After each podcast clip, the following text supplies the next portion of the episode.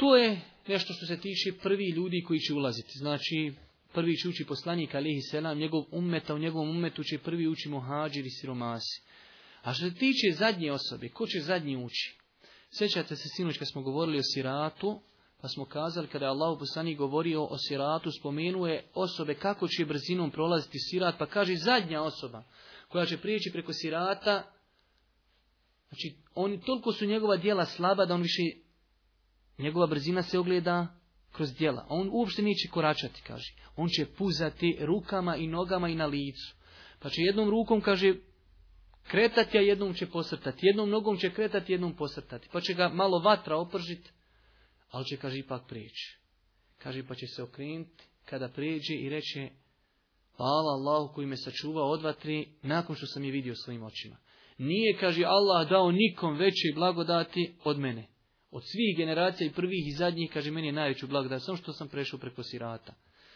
E u tom hadisu, u nastavku tog hadisa koji na muslim, to je taj, znači, insan zadnji koji će prijeći sirat i koji će ući u džennet. Znači, jedva je prešao sirat i malo je okasnio. Pa ima jedna predaja, kaže, njega će Allah Đelešanu ostaviti, samo znači, zakrenut će mu lice u džen, ali okrenut će biti prema džennetu. Kaže pa će nakon određenog vremena Allah Đelšanom ukazat na jedno drvo. Pa će reći gospodaru, daj učini da ja, kaže, budem u hladu tog drveta. To je za mene najveća blagoda, daj mi da budem u hladu tog drveta i da pijem vodu tu u hladu tog drveta. Hadis se znači kod imama muslima zabilježen. Kaže pa ćemo Allah Đelešanu reći, robe, bojim se, ako ti to dam, u smislu ne da se Allah boji, ali ako ti to dam, možda ćeš to pronevjeriti, možda ćeš nešto drugo. Kaže, ne gospodaru, obećaj im, daj im obećanje, samo tu mi daj, samo do tog drveta, samo da sam u hladu, da me ne prži vatra džehennema i da pijem vodu. Kaže, pa ćemo Allah datu. Kaže, pa će nakon izvjesnog vremena ugledati drvo malo veći, ljepši. Pa insan ko insan opet, prošlo vremena kaže gospodaru, primakni me do onog većeg drveta insan. Kaže gospodar subhana, subhanahu wa ta'ala, kaže, pa zar nisi obećao?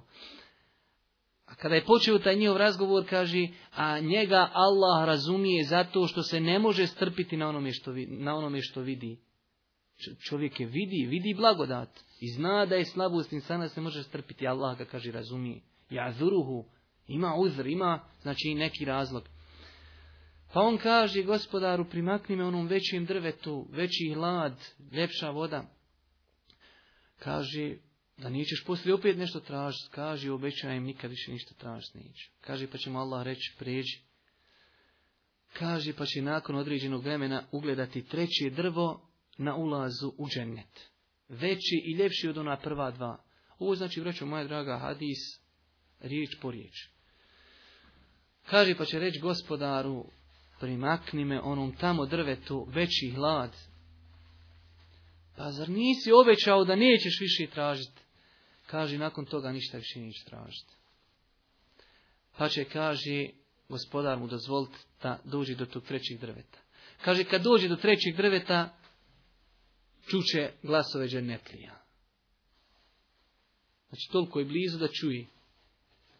Kaže, pa će reći gospodaru, uvedi me u džennet četvrti put krši zaklet Kaže, pa će mu Allah Đelešanu, kao što ima u predajama, reći, kaže, poželi, šta bi ti, haj sad ti, zaželi šta bi ti. Kaže, pa će željet, željet, željet, kaže, dok mu, ne, dok mu nestane onoga što bi on mogao poželjet, ne zna više šta je poželio. Pa će mu reći uzvišeni Allah, imaš to i još toliko deset puta. Imaš to i imaš još deset puta toliko. Kaže Abdullah ibn Mesud, on je prenosio celog hadisa.